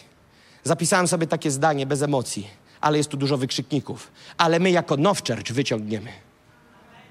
My jako Now Church nie dopuścimy do tego, żeby ducha Psaloma panoszył się w tym kościele.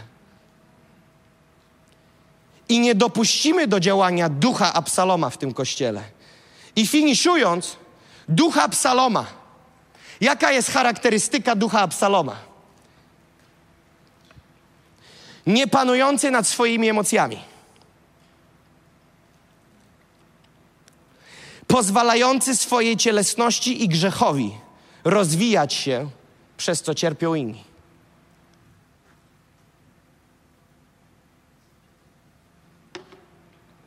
Nie ma w sobie żadnej skruchy, nawet gdy wszystko wychodzi na jaw, zaprzecza faktom. Domaga się uwagi oraz uznania. Sobie na, tworzycie na nagraniu, jak chcecie i spiszecie Chcę być ciągle w centrum. Spiskuje. Przyciąga do siebie ludzi. Buduje sojusze, ugrupowania. Rzec by się chciało koalicję. Ten duch chce poszerzać terytorium i zwodzić jak największą liczbę osób. Nigdy, przenigdy nie zadowala się poziomem wyrządzonej destrukcji.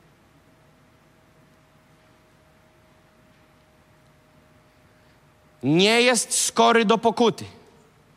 I to jest to, co mówiłem. Mówi piękne słowa, pada na twarz jak Absalom przed Dawidem. Mówi, o królu! I wychodzi i mówi, jak damy dźwięk w trąby, wszyscy krzyczą, jestem królem. Ale prawda zawsze wyjdzie na jaw. Ale prawda zawsze wyjdzie na jaw. Druga księga Samuela 13:21 mówi tak: to jest ten początek tej historii. Chciałem pokazać wam jeden element w życiu Dawida, co się stało, kiedy na początku dowiedział się, że Absalom zabił Amnona. Jesteście gotowi? 13:21. To jest kosmos. A gdy król Dawid dowiedział się o tym wydarzeniu, bardzo się rozgniewał, lecz nie wyrządził żadnej przykrości Amnonowi, gdyż go miłował jako swojego pierworodnego. To chodzi mi o to, kiedy Amnon zgwałcił Tamar. Rozumiecie to? Rozgniewał się, ale nie chciał wyrządzić mu żadnej przykrości. Facet gwałci mu córkę. On się wkurzył, ale w sumie nie chciał robić niewygodnego spotkania.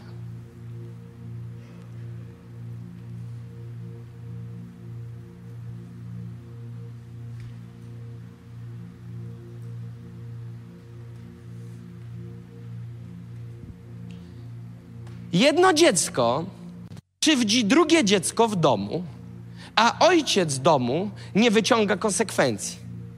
Chcę ci powiedzieć, że rola pastora jest bardzo trudna. Ale chcę ci powiedzieć, zamierzam nie popełniać błędów Dawida. I zamierzam w tym kościele pociągnąć do konsekwencji każdego, kto leci po bandzie od długiego czasu.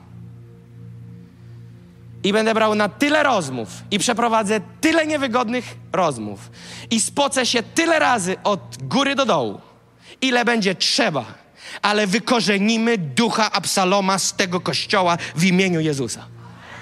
W imieniu Jezusa. Do niektórych się w tym tygodniu będę odzywał, że będziemy się widzieć. List świętego Pawła do Efezjan, czwarty rozdział, werset od 30 do 32. A nie zasmucajcie Bożego Ducha Świętego, którym jesteście zapieczętowani na dzień odkupienia. Wszelka gorycz i zapalczywość, to jest, musicie mieć, Efezjan 4, 30 do 32. Wszelka gorycz i zapalczywość, i gniew, i krzyk, i złorzeczenie niech będą usunięte spośród was wraz z wszelką złością. Bądźcie jedni dla drugich uprzejmi, serdeczni, odpuszczając sobie wzajemnie, jak i wam Bóg odpuścił w Chrystusie. Jest tu przestrzeżenie. Nie zasmucaj Ducha Świętego. Wywalcie wszelką gorycz i zapalczywość, gniek i krzyk, złorzeczenie niech będą usunięte z was. Dlaczego? Bo Biblia nam wyraźnie pokazuje, jeżeli te rzeczy nie zostaną uporządkowane i posprzątane, dojdzie do śmierci. Dojdzie do takiego rozmiaru konfliktów i problemów, że się wszystko posypie. Konflikty, spory, kłótnie, podziały, gorycz, nieprzebaczenia. Posłuchajcie tego. Nie wynikają z trudnych sytuacji, które nas spotykają. Spory prowadzące do podziałów, goryczy i nieprzebaczenia są wprost proporcjonalne do ilości cielesności i niedojrzałości w nas.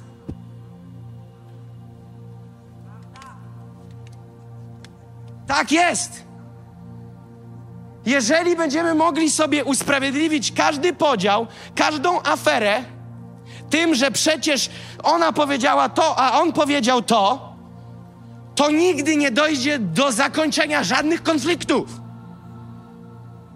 Spory i gadki trudne, przepychanki zawsze muszą być. Pytanie jest, kiedy się gadka kończy, jak z tym wyjdziemy. W Biblii nie jest napisane, że nie będzie. W Biblii jest napisane, że nawet muszą wyjść, bo jak wyjdą, to wtedy będzie wiadomo, kto jest kto. Tak jest napisane. Paweł o tym pisał. Pytanie nie jest, czy afery będą. Pytanie jest, jak z tych afer będziemy wychodzić. Jeszcze raz chcę to powtórzyć. Spory prowadzące do podziałów oraz goryczy i nieprzebaczenia są wynikiem i są wprost proporcjonalne do ilości cielesności i niedojrzałości w nas. Przypowieści Salomona 18:21 mówią tak: Śmierć i życie są w mocy języka. Salomon powiedział: Śmierć i życie są w mocy wypowiadanych słów. A więc zadaj sobie dzisiaj pytanie: Niesiesz życie czy śmierć? Jaki kościół tworzysz? Niesiesz życie czy śmierć? Żmijowaty klimat masz, czy Boży? Czego jest w tobie więcej? Nie co ty myślisz, że masz w sobie więcej, ale co na zewnątrz wychodzi z ciebie więcej. Czy gdyby każdy z nas pojedynczo wyszedł na scenę, a my mielibyśmy takie anonimowe ankiety, brat, którego widzisz, możesz znaczyć nie znam albo życie lub śmierć. W takim sensie niesie więcej życie, czy niesie więcej śmierć. Jakby tak każdy po kolei wyszedł. Pomyśl sobie, co o tobie by przeklikali. Pomijając, że większość nie zna, bo tak jest. Do dzisiaj niektórzy mówicie do mnie Kamil. Więc pomijając, że nie znamy się personalnie, ale różne sytuacje, różne sytuacje i jeszcze raz sytuacje. Wychodzisz, nie wiesz jak ta osoba na scenie ma na imię, ale klikają o ciebie. Jak myślisz, jaką mają o tobie opinię? Że niesiesz życie w tym kościele, czy niesiesz śmierć?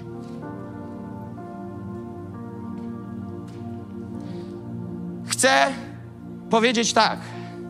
Za każdym razem, kiedy ktoś do ciebie niesie śmierć, językiem mówi, a wiesz co?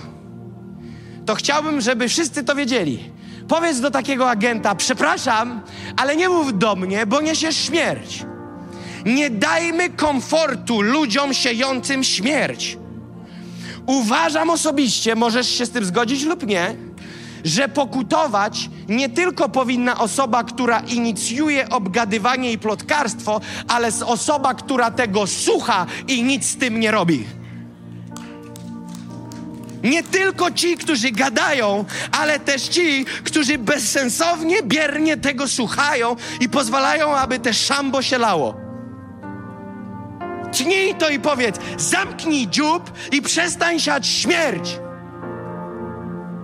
A jak nie posłucha, to wyślij mi zdjęcie pacjenta. Wysyłaj zdjęcie, powiedz, pastor się dowie. Gwarantuję ci, w najbliższą niedzielę. Śmiało! To nie jest kablowanie, to nie jest przedszkole. Proszę pani, proszę pani, zablali mi samochodzik. Tylko wiesz, co to jest? To jest chronienie kościoła przed duchem Absaloma. Wielu ludzi siedzi na bombie od miesięcy i mówią, pastorze, bym ci powiedziała, powiedział już wcześniej o tej osobie, a tak niektóre nazwiska to już się pojawiają regularnie, od młodszych, starszych, ale nie mówiłem, nie mówiłam. A czemu? No bo ja nie chciałem, nie chciałam psuć. A co psuć, jak już wszystko popsute? Właśnie mogłeś uratować, gdybyś mówił wcześniej, ale ten człowiek już tak przesiąknął goryczą. I mówię wam, ten tydzień, zwierzam się wam, był jednym z gorszych w moim życiu. Czułem taką presję w duchu, ktoś mi tak tyłek obrabiał w tym kościele przez ten tydzień. Tak mnie smarował, że ja w nocy gromiłem moce demoniczne z mojego życia. Tak zaorany nie byłem dawno jak w tym tygodniu. Tak mnie ktoś wyrąbał w powietrze, że głowa mała. Miałem nawet nazwiska wymalowane w duchu. Chciałem dzwonić i powiedzieć: zamknij dziób w tej chwili, bo wiem, co robisz. Błagam was, opanujcie się. Jak to się mówi, na miłość boską. Dajcie spokój. Dajcie żyć. Nie mamy rąbać Izraela na Izraela. Mamy ludzi do zbawienia. Mamy ludzi do uzdrowienia. Mamy ludzi do prowadzenia w uczniostwie. A ty się bawisz jak Absalom? Skończ z tym! Mówię, w tym tygodniu kilka rozmów mnie czeka. Wytnę to. Jeśli naprawdę widzisz te potężne minusy tego kościoła, to naprawdę nie bądź masochistą, zwijaj się stąd. Nie męcz się, zmień miejsce. Wyślę cię z tak wielką radością, bo cały kościół na to czeka. Chcemy tutaj rodzinę, a nie krety. Czy może ktoś na to powiedzieć amen? Kościół, w którym ludzie się nawracają, kościół, w którym ludzie doświadczają Boga, życie ludzkie są przemieniane, ludzie są chrzczeni, Królestwo Boże się rozwija, ludzie z wielu miejsc, nie tylko Polski, Europy, ale ze świata przyjeżdżają tu, do tego kościoła, aby doświadczyć tego, co tu się dzieje, a ty masz to na miejscu i dalej narzekasz? I wyjedź jeszcze jutro! Dziś! Kościół żąda znaku, dziś! Opuść to miejsce! Błagam, opuść! Nieuzdrowione zranienia w tobie będą generować agresję, odrzucenie, osąd, podejrzliwość względem innych ludzi. Gorycz i zranienie czeka na ciebie i na mnie na każdym rogu. Ale rozwiązanie jest w Jezusie. Rany człowieka generują kolejne rany w tobie i w ludziach, ale rany Jezusa niosą uleczenie, ukojenie oraz błogosławieństwo. Halleluja! Tylko zakorzenienie w Bogu oraz podejmowanie kroków we współpracy z Duchem Świętym może nas wyprowadzić na wolność i oczyścić ten Kościół. Oraz nie mniej ważny punkt przebywania ze sobą nawzajem i poddawania się pod wzajemne relacje, aby badać siebie nawzajem. Ewangelia Łukasza 12:3 i tym kończę. Dlatego, co mówiliście w ciemności, będzie słyszane w świetle dziennym, a co w komorach na ucho szeptaliście, będzie rozgłaszane na dachach. Kłamstwo, fałsz i rozwałka w tym kościele będzie wykrzyczana na dachach. Nie dlatego, że my chcemy kogoś zlinczować publicznie, ale dlatego, że czas z tym skończyć. Chcę Wam powiedzieć, może to brzmi jak wielki farmazon niedzielnego kaznodziei, który upił się sobotnią nocą przygotowywania do kazania. Ale chcę Wam coś powiedzieć. Może Wam to w głowie się nie mieści, ale ja za Was bym w pewien sposób to życie oddał. Bo tak naprawdę, jakby ktoś nie umiał tego połączyć, to ja to robię od trzech lat. I wiecie, co mnie najbardziej wnerwia? Olać to, że tego nie docenia połowa. To w ogóle nie tego szukam, ale przynajmniej nie opóźniaj rozwoju. Przynajmniej pozwól innym się rozwijać. Pozwól innym. Pozwól innym na tym miejscu rozwinąć żagle. A nie ja słyszę, jak eks-liderzy przychodzą do liderów, którzy mają stać się liderami i mówią: Uważaj, bo jak staniesz się liderem, nie będziesz miał czasu na to i na to i na to. Jakbym wam wymienił, co padł za argument, to byście się przewrócili na plecy. Małżeństwo rodziło małżeństwo.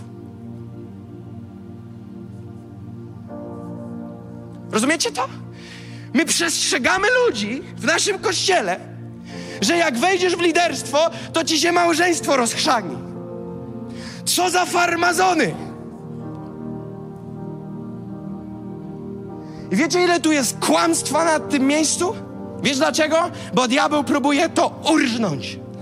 Diabeł zrobi wszystko, żeby ten kościół zagasić.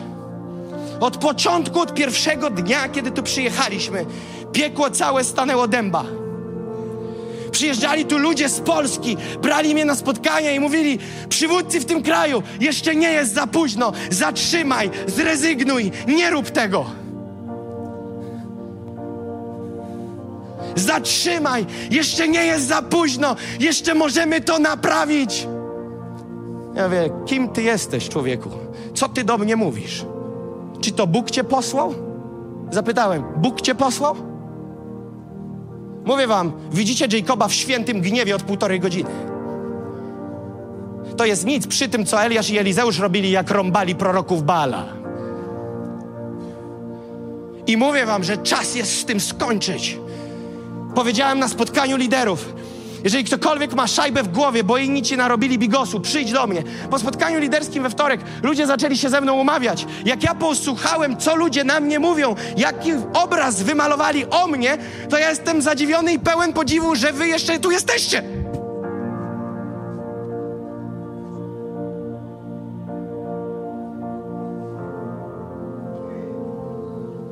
Mam wrażenie, że gdybyśmy sobie odpuścili wewnętrznie, to byśmy byli już znacznie dalej. Ale my się bawimy.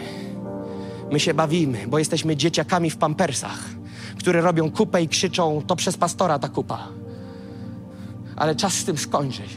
Ja chcę teraz się modlić i uderzyć tym wersetem z Łukasza. To, co ukryte, będzie krzyczane na dachach. Niech cały bigos w najbliższe dwa tygodnie wyjdzie na wierzch. Niech ci, którzy mają stąd wyjechać, niech jadą jak najszybciej. Niektórzy poproszą mnie o błogosławieństwo i je dostaną, a niektórzy poproszą mnie o błogosławieństwo i powiem, Max, to ci mogę zagwarantować, że nie będę miał goryczy do ciebie.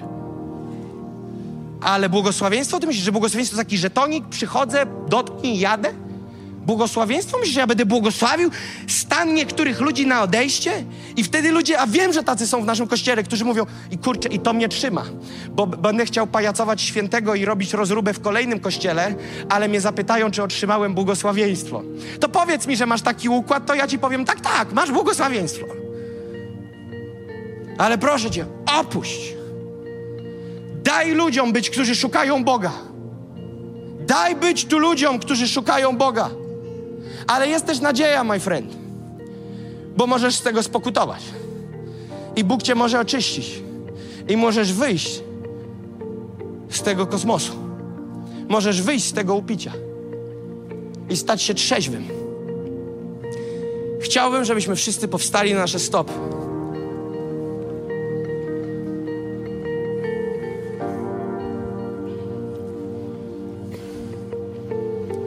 Ja wiem, że część z Was jest zatrwożona tym, co usłyszała dzisiaj. I bardzo dobrze, bo chcę, żebyście wiedzieli, z czym walczymy. Wiem, że są też tu osoby, które nie mają sobie nic do zarzucenia w tym obszarze. I bardzo dobrze. Wiem, że są osoby, które myślą, Boże, jak to się może mieścić w kościele? Witaj w rzeczywistości. Ale są też tacy, którzy przeliczyli każdą nitkę na wykładzinie w, w czasie tego kazania, bo nie byli w stanie patrzeć mi w oczy. Chcę, żeby zagrzało ci się obuwie teraz podczas tej modlitwy. I chciałbym, żeby wszyscy w zdrowej motywacji, to nie jest sąd, rozumiecie? To jest modlitwa w miłości o pokutę w naszym kościele. To nie jest bomba i działo i uderzenie. To jest walka w jedności o jedność. My nie myślimy, dobrze niech giną Absalomowie. Nie, niech duch Absaloma ginie, który działa nad tymi ludźmi. Ale my chcemy, aby ci ludzie doszli do rzeczywistości. Ja chciałbym tych ludzi móc szczerze, patrząc im w oczy, powiedzieć: Cieszę się, że wróciłeś z księżyca. Cieszę się, że wróciłeś z podróży kosmicznej. Ale musimy uderzyć w modlitwie zgody, jako cały Kościół. Uderzyć to w teraz. Uderzyć. I ja zdaję sobie sprawę, że niektórzy będą uderzać w modlitwie w drugą stronę. Ale to będzie wojna w tej chwili. Chciałbym, żebyśmy przez kilka minut teraz uderzyli w modlitwie. Na głos, podnieśli swoje głosy, że modlimy się o to, aby przyszło oczyszczenie do naszego kościoła. Żeby przyszło oczyszczenie do naszego kościoła. Halleluja! Halleluja! Halleluja! Halleluja! Panie! Panie, my modlimy się. My modlimy się, Panie. O Panie, to jest Twój Kościół. To jest Twój Kościół, Panie. Nikt tak bardzo o Niego nie zabiega jak Ty. Panie, ja modlę się o oczyszczenie Twojego Kościoła. Proszę Cię, oczyść ten Kościół. Oczyść ten Kościół. Oczyść ten Kościół, Panie. My modlimy się, Panie, aby wszelkie nieczyste działania, aby ci, którzy są pod duchem Absaloma, ci, którzy są pod zwodniczymi duchami, o Panie, aby przyszło oczyszczenie, aby się upamiętali, aby przestali robić bajzel, aby przestali, Panie, szkalować Twoje imię, szkalować Twoją oblubienicę, Panie. Modlimy się. Upamiętanie, upamiętanie, upamiętanie, upamiętanie, upamiętanie. Panie, niech przez te dwa tygodnie przyjdzie oczyszczenie. Niech wyjdzie, Panie, kto robi krecią robotę. My chcemy być od tego wolni. My chcemy być od tego wolni. My chcemy być od tego wolni, Panie. To są warownie, które nie są od Ciebie, Panie. To nie jest jarzmo od Ciebie. To jest cielesność i niedojrzałość w Kościele. Panie, oczyść swój lud. Oczyść swój lud. Oczyść swój Kościół, Panie. Oczyść swój Kościół, Panie. Oczyść swój Kościół, Panie.